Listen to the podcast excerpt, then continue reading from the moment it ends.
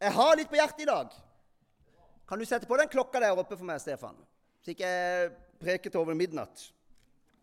Jeg elsker jo, og det var jo så bra, Vidar, for du begynte med noe av det som, som understreker noe av det jeg sier akkurat nå. Jeg elsker å løfte fram Guds sannheter, Guds løfter. Jeg elsker å fokusere på hva han allerede har gjort. Alt er ferdig. Vi kan bare komme. Jeg elsker å fokusere på autoriteten som er gitt til enhver som tror. Og Dette har dere hørt meg preke mye om, og det skal jeg ikke stoppe med. Men hør Når Guds ord løfter fram hva vi har fått tilgang til, hva Kristus har gjort for oss, hvor kraften ligger, hvor nåden ligger, så etterfølges disse proklamasjoner ofte av ord som 'så bli da', 'fortsett', Ikle dere derfor. Hold derfor fast. Bli ved. Har dere merka det? Det kommer nesten aldri noe sånne voldsomme, sterke proklamasjoner, trossannheter, uten at de etterfølges av sånne ord som fordrer til hva? Etterlevelse. Til å ikke bare høre, men å forbli i det. Ta vare på det og leve det ut. Det fins altså et gjensvar.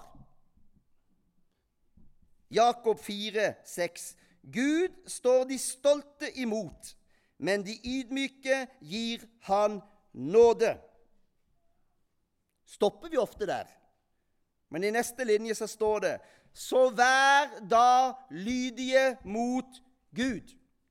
Og Det er akkurat det vi sang om. Når du bøyer kne og underkaster deg noen, så handler det om en lydighetshandling som ser så svak ut for verden men som er vår nøkkel til et liv i seier. Vi må også si noe om hva det vil si å være ydmyk for Gud. Og I denne sammenheng her, i Jakob 4,6, så er det en tydelig sammenheng mellom det å stå imot, å være stolt, og ulydighet. Nettopp fordi ulydighet Altså stolthet. Det er nesten det samme. Det vet best selv. Som små unger. Klare sjøl. Dere som har små unger, husker det. Helt umulig å få på den skoen. De skal klare sjøl. Det bor bare i oss mennesker. Vi er født sånn. Og du ser det allerede for du er bitte liten. Klare sjøl. Ikke ta imot hjelp. Være best. Vite selv. Bestemme sjøl. Sette kursen sjøl. Men disse ting står i veien for nåden. For da trenger du jo ikke nåde. Da trenger du ikke inngripen. Da trenger du ikke hjelp. Og Her ligger noe av hemmeligheten for at nåden skal bli forløst. Nåde tas imot bare av den som kapitulerer 100% Og det var faktisk det du gjorde når du ble frelst. Du kapitulerte 100% Den tas imot av alle som ser sin egen tilkortkommenhet i forhold til Guds storhet, i forhold til Guds herlighet. Og Vidar, du sa det jo. Du prekte jo innledninga her. Nåden kommer i virksomhet for den som vender om. Yes. Den som sier 'Herre, du vet best'. Jeg underlegger meg det. Jeg overgir meg til det. Jeg stoler på det. Jeg setter det i forsetet. Selv når vi ikke føler for det. Det er ikke alltid vi føler for det. Men når vi velger å sette den i forsetet selv da, så har vi underlagt oss. Selv til og med når regnestykket oppi hodene våre ikke går opp, når vi ikke skjønner hva Gud holder på med, så fins det en posisjon av å velge Gud, jeg har gitt mitt liv til deg. Du har fått kontrollen, og det er ditt ansvar. Det kalles å være overgitt. Det er ikke en engangsopplevelse når du blir frelst. Det er en livsførsel. Det er et ståsted du velger, og det gjennomsyrer alt. Jeg fortalte ungdommen, jeg prekte om omvendelse til ungdommen en veldig flott kveld her på fredag. Og så har jeg veldig dårlig retningssans. Har jeg ikke det med ham? Ekstremt, faktisk. Når jeg kommer til Lista, til Vanse så går det én vei tilbake til Farsund og én vei ut til Fyret. Og der bor mine foreldre. Og Jeg har kjørt der tusenvis av ganger, og likevel må jeg alltid tenke Er det høyre, er det venstre? Og En gang så skulle jeg til Miriam. Jeg hadde vært på jobb på Evje. når jeg der. Og det var etter nattevakt, så det var jo seint. Klokka var ti når jeg la i vei. Så kjører jeg helt til Bamble. Det er jo ganske langt. Og så må du kjøre rundt bygget der for å komme ut igjen. Og jeg la, la i vei tilbake i retning Arendal. Men det var så mye oppi hodet mitt den gangen der. vi hadde en del, Det var mye som rørte seg. Og jeg kjørte og kjørte og kjørte, og jeg så ikke et eneste skilt. Og Så kommer jeg rundt en sving, og så ser jeg der var det òg en bensinstasjon. Da var vi tilbake til Fiane.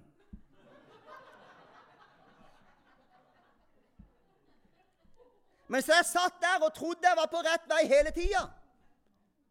Det var ikke en tanke hos meg om at jeg var på gal vei, for det sinnet mitt var helt opptatt av noe annet. Og det ene skiltet etter det andre. Arendal syv mil, Arendal fem mil, Arendal tre mil.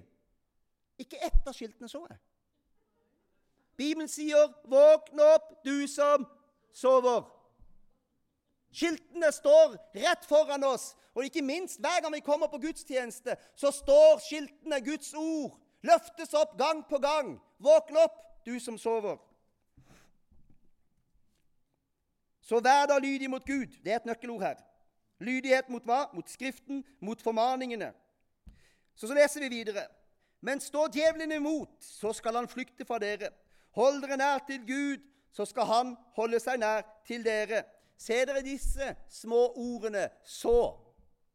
Hold dere nær til Gud, så skal han holde seg nær til dere. Det fins et samspill mellom oss mennesker. Det fins et samspill faktisk mellom vår villighet, vår vilje til å legge ned vårt eget, til å sette Han først. Ja, og vi får det ikke alltid til. Jeg er veldig klar over det. Og da er det nåde over nåde. Halleluja for det. Hvis det ikke var vi kjørt alle sammen. Men det fins allikevel et samspill. Vask hendene, dere syndere. Rens hjertene, dere som har et delt sinn. Hvor ofte opplever vi ikke at vårt sinn er influert av denne verdens tankesett? Jeg tror det går mye dypere enn vi ofte reflekterer over. Verdens begjær, verdens individuelle In, det får ikke jeg til å si. Individualisme, som gjør hva? Setter mennesket først. Som vet best. Vi leser videre.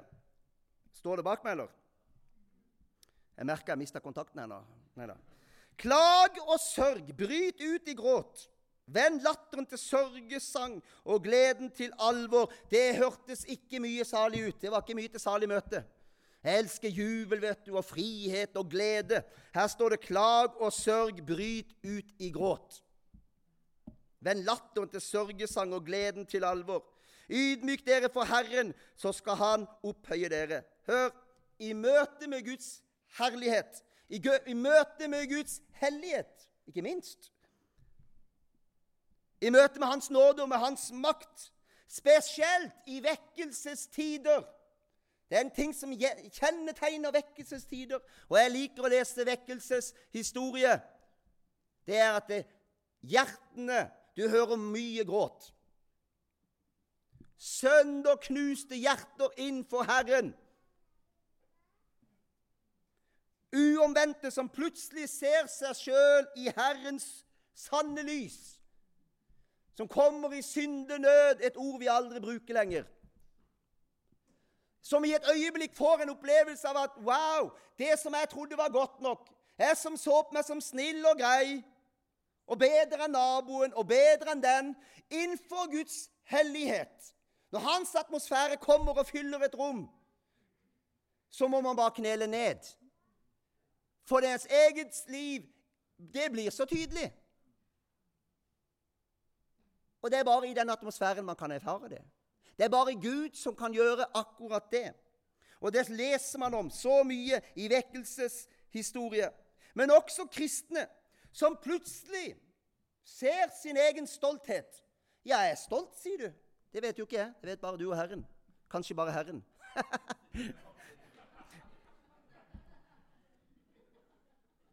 ja, men vet du hva? I sånne vekkelsesatmosfærer så kan man plutselig oppdage at wow, jeg er jo faktisk veldig mye herre i mitt eget liv.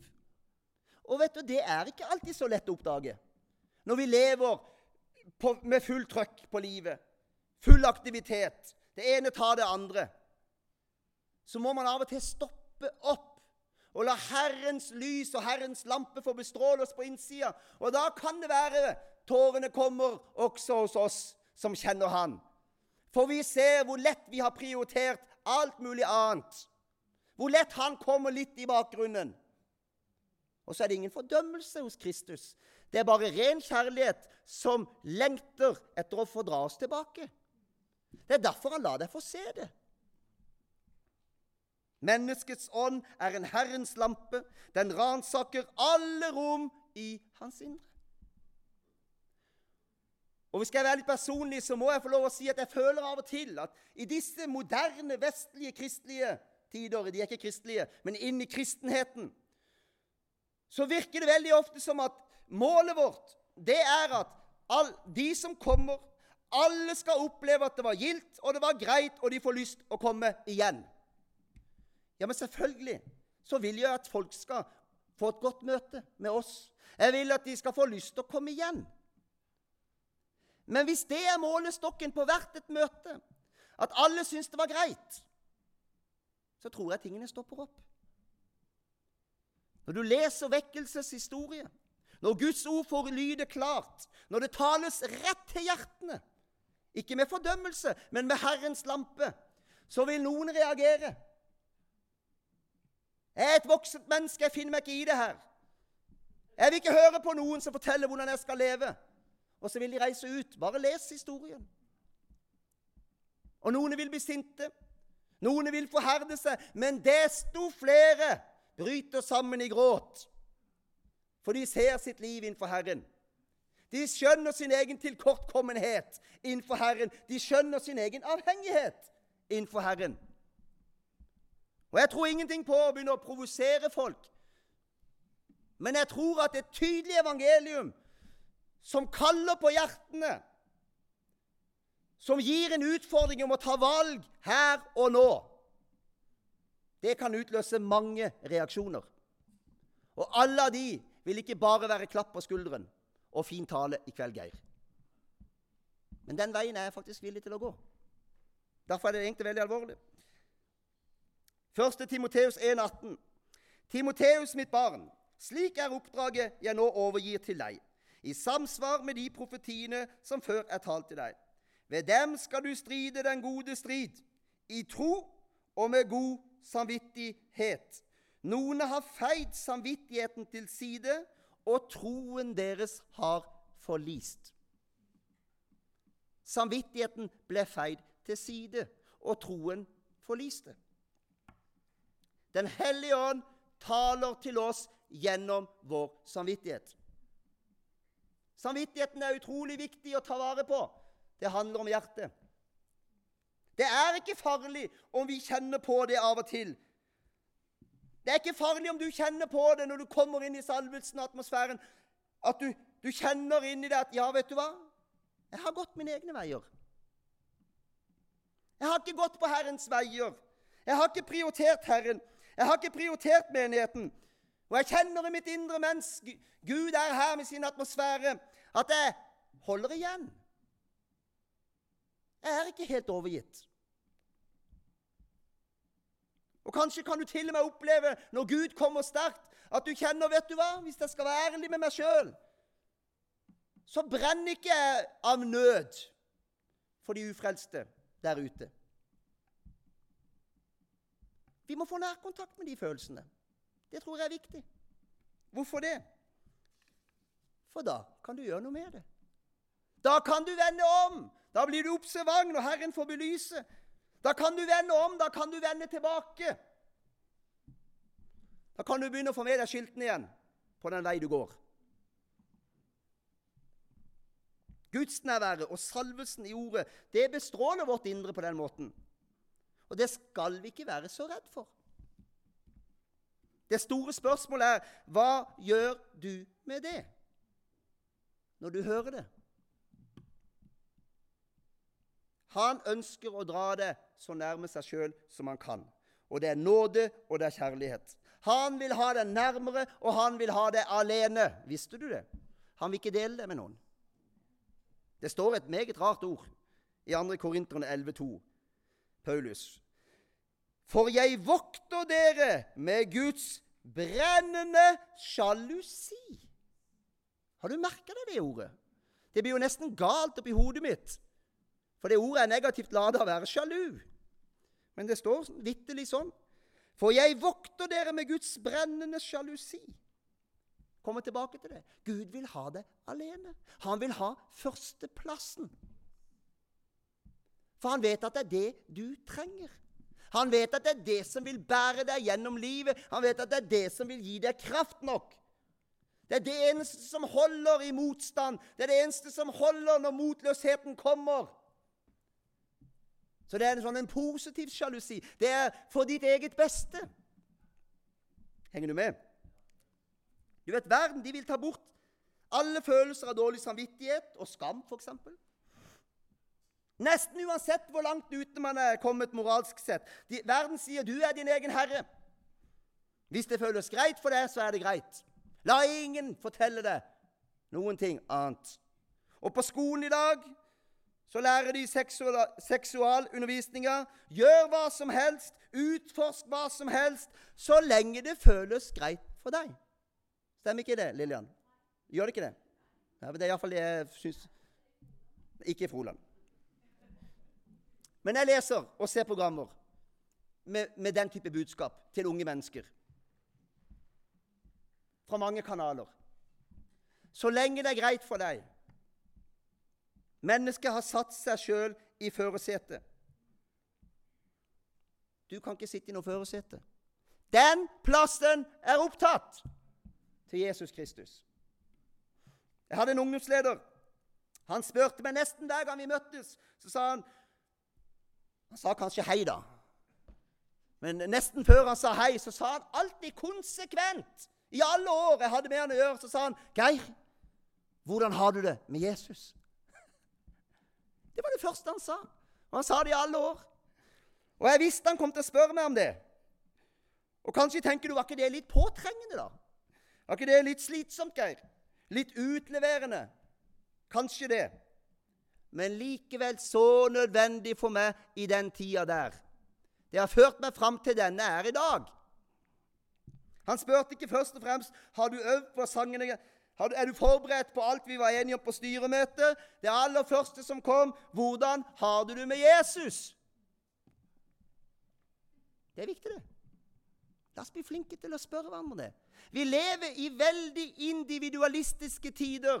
Og jeg merker det, og du merker det. Vi liker ikke at noen legger seg opp i hverandres liv på den måten.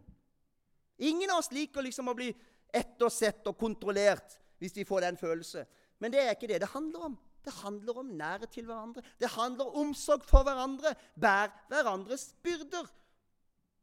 Vi skal holde brannen levende blant oss. Så det går an å spørre om det. Hvordan går det med Jesus? Har du fått vært sammen med Jesus de siste dagene? Så er jo ikke det for å fordømme det.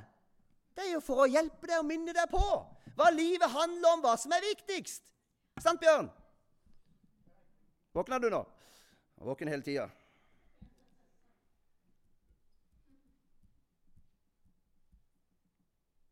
I Efeserbrevet 4 så formaner Paulus menigheten til å vandre verdig det kall som dere ble kalt med.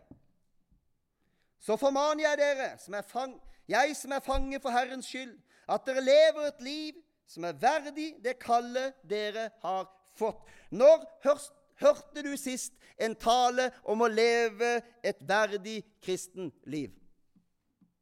Det er ingen som tør å nevne det lenger. For vi er så livende redd for at da handler det med en gang om noe vi skal få til. Da handler det med en gang om noe selvstreversk, om noe lovisk. Men det stemmer ikke. Da tror vi med en gang at det annullerer nåden, men det gjør det ikke. Det annullerer ikke nåden. Alt er nåde. Vi klarer ingenting av det her uten Herrens nåde. Og jeg får ikke dette til noe bedre enn du får det til. Og jeg feiler, og jeg faller. Men det skurrer fort i samvittigheten. Derfor er jeg helt avhengig av å vandre her hver dag eller hjemme og overgi meg daglig. Ta opp mitt kors daglig. Legge ned mitt eget daglig. Jeg kjenner det veldig fort når jeg ikke gjør det. Jeg er glad for at det er sånn. Til tider er det slitsomt. Det kan være litt slitsomt. Men vet du hva? Jeg vet absolutt når jeg har det best. Vet du når jeg har det best, Miriam? Å ja da, ja da, ja da, sier jeg. Hvis jeg strever og kaver, hvis jeg prøver å finne løsninger sjøl, hvis jeg begynner å produsere sjøl, løpe foran Gud, eller ikke få vært nok med Gud, så begynner jeg å få det dårlig. Ikke om du har det sånn, men jeg har det sånn. Jeg kjenner inni meg at jeg er ikke på plass, fordi at jeg vet hvordan det er å være nær Han. Jeg vet hvordan det er å la meg overstrømme Han, og jeg vet hvordan det kjennes når Han kommer med sin kraft, sin nåde, sin styrke og fyller meg opp. Og så kjenner jeg kontrasten veldig godt når jeg står litt på sida og kjemper litt grann, i egen kraft. Det er så tungt, og det er så meningsløst. Og fort kommer den lengselen tilbake. Nei, vet du hva, Geir? Du vet hvor du hører hjemme. Miriam har pleid å si opp gjennom årenes løp når hun merker at jeg er litt rastløs. Det blir jeg jo ofte. Eller ikke helt tilfreds. Hun pleide iallfall å si det. 'Geir, får du gå på kirka og be.' Det blir mye greier for henne òg, vet du. det gjorde jo det. Må du gå og be. Hun merka det med en gang på meg. Jeg hadde ikke fått vært med Gud. Det påvirker meg veldig fort.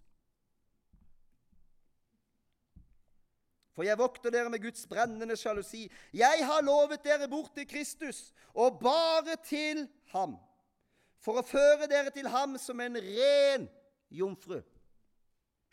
Men jeg er redd for at slik slangen narret Eva med sin list, skal også deres tanker bli ført på avveier, bort fra den oppriktige og rene hengivenheten til Kristus. Og igjen, dette er ikke noe du får til, men det er nettopp fordi du ikke får det til, nettopp fordi du ser du har det ikke i det, at du må underkaste deg Han. Kaste deg på Han og få fornyelse.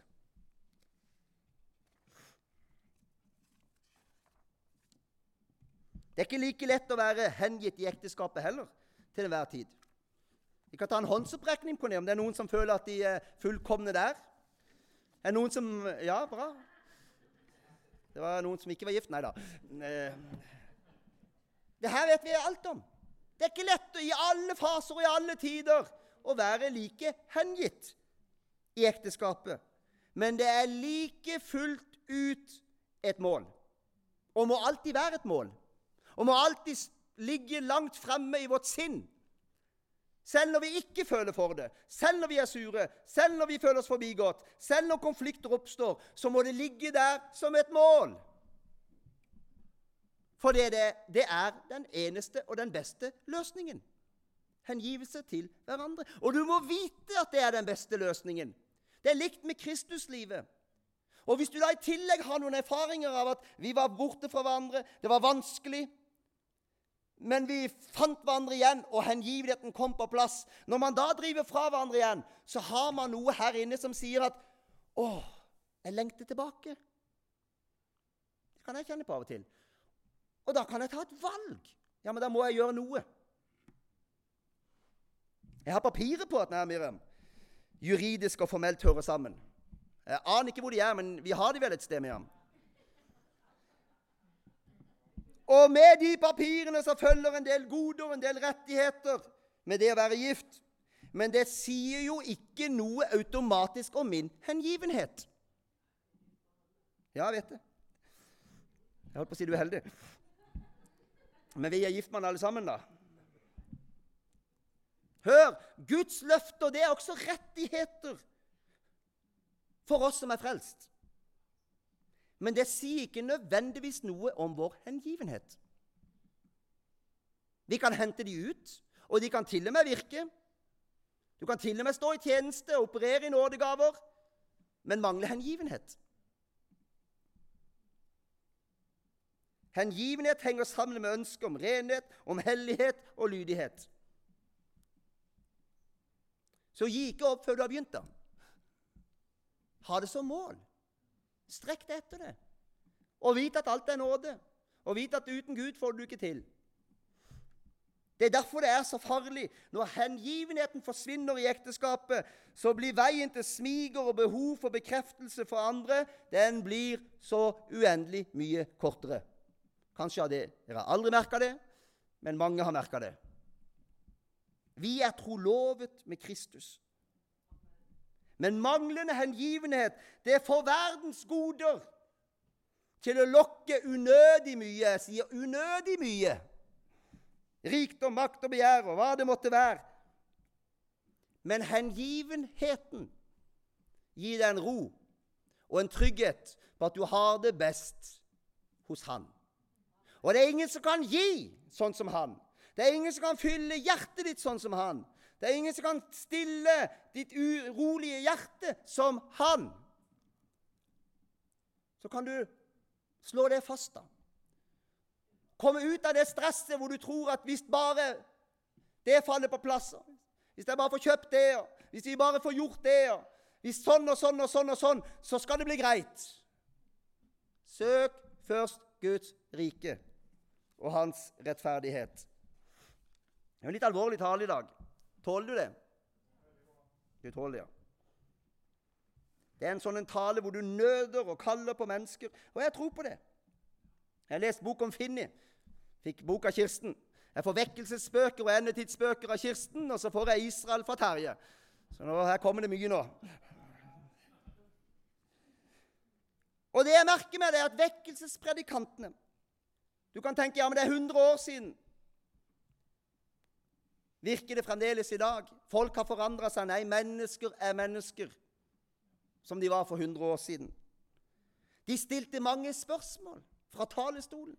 Rett inn i menneskers hjerter og rett inn i menneskers liv. De sa ting som vi nesten ikke tør å si på talerstol, for vi er redd for at noen skal føle dårlig. At noen skal føle seg fordømt. Men hør, om man stiller sånne spørsmål, og du kjenner at det stikker litt i hjertet ditt Gjør det noe, da? Hvis det kan føre til at du erkjenner at Vet du hva? Jeg må overgi meg på ny. Jeg må innvie meg på ny. De sa sånn som det her Har du overgitt hele ditt hjerte til ham? Har du synd du gjemmer på fordi du vil nyte litt av begge verdener? Er du rede til han kommer igjen? sa de. Er du det?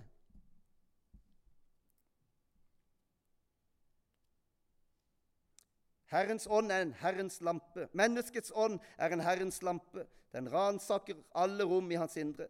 Herren er som en lampe som både lyser opp, den viser vei, men det er også en lampe som ransaker hjertet. Har Jesus fått grepet ditt hjerte på dypet? Er du i brann for Han? Kjenner du denne nøden for verden som går fortapt? Så kan du bli vred eller sur og tenke ja, men nei, jeg gjør ikke det. Jeg vil ikke kjenne på det heller. Det har ikke du noe med. Jeg tror ikke mange her tenker det, for å være, for å være helt ærlig. Men om du kommer til at Vet du hva? Egentlig så bryr jeg meg ikke så fryktelig mye. Jeg bryr meg jo egentlig, for jeg vet at jeg må det, men egentlig så kjenner jeg sjelden på det. Så kan det være til oppvekker for deg. Kanskje skal du bruke enda litt mer tid sammen med Jesus. Så den, den nøden som han har for verden som går fortapt, får besmitte deg litt mer. Det er det han vil. Drømmer du om vekkelse eller ferieturer mest?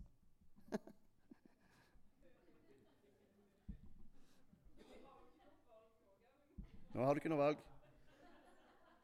Ja, men vet du hva? Vi må tørre å stille oss disse spørsmålene. Vi tror vi ikke er influert av denne verdensånden. Men det blir vi alle sammen. Fordi du fortjener det, sier reklamen. Husker dere det? Sjamporeklame. Fordi du fortjener det. Vi overøses fra media om meg og meg og meg og mine behov og jeg fortjener. Som jeg vil, som jeg har lyst til. Det som behager meg. Vi må stille, tørre å stille sånne spørsmål, fordi sannheten setter fri.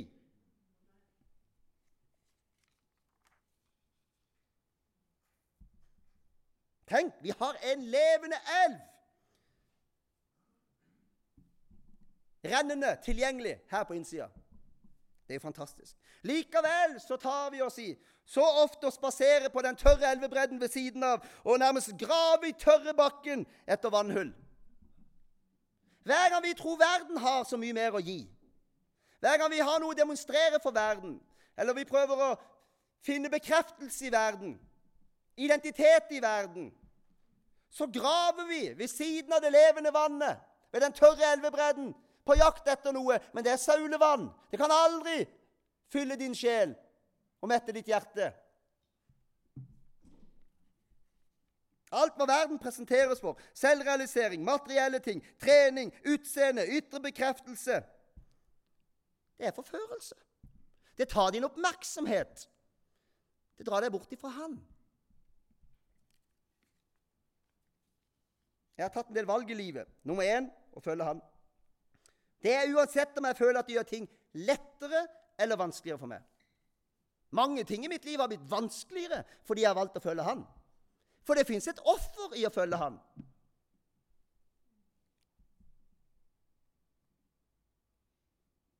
Jeg følger Han ikke først og fremst fordi Han har sagt at livet skal bli lett. For det har Han ikke sagt.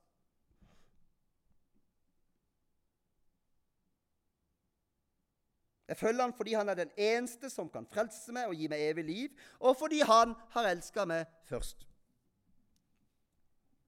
Jeg har tatt et valg om å være trofast i menigheten. Noen ganger Jeg er ganske velsigna der, for jeg, har, jeg, gleder meg stort sett til Men noen ganger så kan det være fristende å gjøre andre ting. Det er ikke den største synd i verden, tror jeg, om du skulle falle for den fristelsen. Men likevel Bibelen er veldig tydelig om at vi må stå sammen. Vi må være trofaste. Og jeg har aldri opplevd at når jeg kommer på et møte Og jeg tenkte på det, og jeg prata vel med deg, Remi, om det. Jeg satt faktisk for ikke lenge siden, og jeg følte meg egentlig ikke veldig motivert den dagen. Ikke vet jeg hva som var galt. Sikkert sur eller gretten eller et eller annet var det. Jeg var iallfall ikke særlig på lag. Det er ikke alltid like lett å ha forventning, da. Og Da kan det være man kommer fordi man føler man eh, Ja, det er jo jobben min, faktisk. Eh, og at man burde stille opp. Så sitter jeg der. Men jeg har også der lært meg til OK, sitt nå bare her, Geir, som en sur, gammel gretten mann. Det er greit. Men når lovsangen får begynne å gå, og bønnene går, og vitnesbyrdene kommer, og ordet forkynnes, så vet jeg faktisk av erfaring så mange ganger Hvis jeg bare setter meg under hans strålelys, så skjer det noe langsomt, men sikkert inni mitt indre. Så kjenner jeg at jeg kan sitte der og må ta et Ja, ja, men ta et indre oppgjør med det, da. Kanskje be om tilgivelse for det, da, eller trasshet, eller hva det måtte være, eller surhet, eller negative tanker. Så tar du et oppgjør med ting. Og så kommer det noen sanger som kanskje forkynner nåde, og så blir man så grepet. Og før jeg vet ordet av det, så er jeg jo der, vet du. På beina. Og tårene renner av og til. For Gud møter meg jo. Jeg som minst fortjente det, som ikke var forberedt engang. Men jeg har lært meg til. Gå allikevel. Gå allikevel, for det er nettopp da du trenger det. Når du minst føler for det. Og det gjelder livet generelt. Kom, da. Jeg kan preke til i morgen, vet du. Preke til hjertet og nøde til hjertet. Det tror jeg går an å gjøre fremdeles. Ikke for at, du, ikke for at du skal kjenne på Nei, men nå gir jeg opp. Jeg blir aldri god nok. Jeg kommer aldri til å få det til. Men det er jo sant. Bare kjenn det, da. Men vit hvor kraftkilden ligger. Vit hvor du må leve, nær til Han. Er det lenge siden du kjente han virkelig berørte deg? Kjenner du motløshet og sløvhet snike seg inn? Men så er det allikevel en lengsel der tilbake til den første kjærligheten, tilbake til den første iveren, troa og begeistringen som du kanskje har kjent på tidligere, kanskje helt tilbake til yngre dager, eller kortere tid. I kveld er kvelden. Til å komme tilbake. Til å fylles opp. Og noen av dere kjenner kanskje på det. Det er ikke mine ord, skjønner du. Det er Guds ord. Det er Ånden som kaller, det er Ånden som drar. Og han lengter etter din overgivelse. Han vil at du skal slippe alt tungt som du går og bærer på, i egen kraft. Kanskje har noen ting de må ta et oppgjør med i sitt indre. Jeg har jo stadig vekk det. Benytt anledningen nå. Snakk litt med Jesus. Han fordømmer deg ikke, men han trenger at du kommer til han med alt. Så er det lett å holde på noe. Jeg kjenner følelsen òg. Ja, men det er ikke så galt, for det har du så glede i. det kan da ikke være så galt, Gud. Men så vet du egentlig, hvis du er ærlig med deg sjøl, at det der burde jeg legge fra meg. Så har du egentlig ikke helt lyst til det, for det gir deg jo noe. Men det er en tid for å gjøre det. Og det gjelder nok mange av oss, om ikke alle av oss. Vi har alle noe vi holder på som vårt eget, som vi tenker at men det, det er mitt. Dette Herrens lys det gjennomstråler hele hjertet, og det vil få lov å blåse ut all spinnelsvev og alt støv og rense det fullt igjennom. Og Da kan vi ikke holde på noe.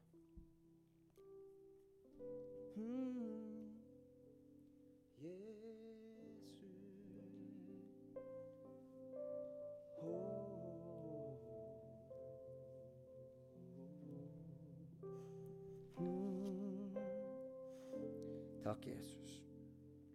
En alvorlig preken i dag, men det lå på mitt hjerte. Herre, takk for du er så god, Herre. Å, Herre, du har ikke noe annet ønske enn å komme oss nær Jesus. Bære våre byrder, Far. Gi oss forløsning, Herre. Gi oss kraft, gi oss mot, gi oss styrke, Far.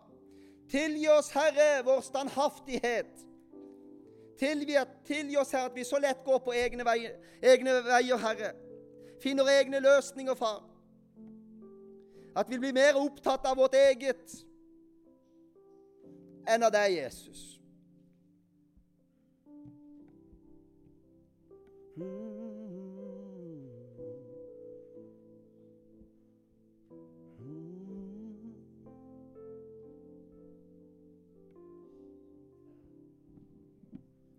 Takk, Jesus. Kom, Hellige Ånd. Inviterer deg, Hellige Ånd, til å komme og tale til hver enkelt. Der hvor hver enkelt er, Jesus. Hva hver enkelt trenger til, Herre. Av fornyelse, far. Av tilgivelse, Herre. Av renselse, far. Av nytt mot og nytt kraft, Herre. Kom og gjør ditt verk, Hellige Ånd. Her og nå. Dypt i våre hjerter, far. Kom med inspirasjon, Herre, til de som kjenner at den er borte vekk.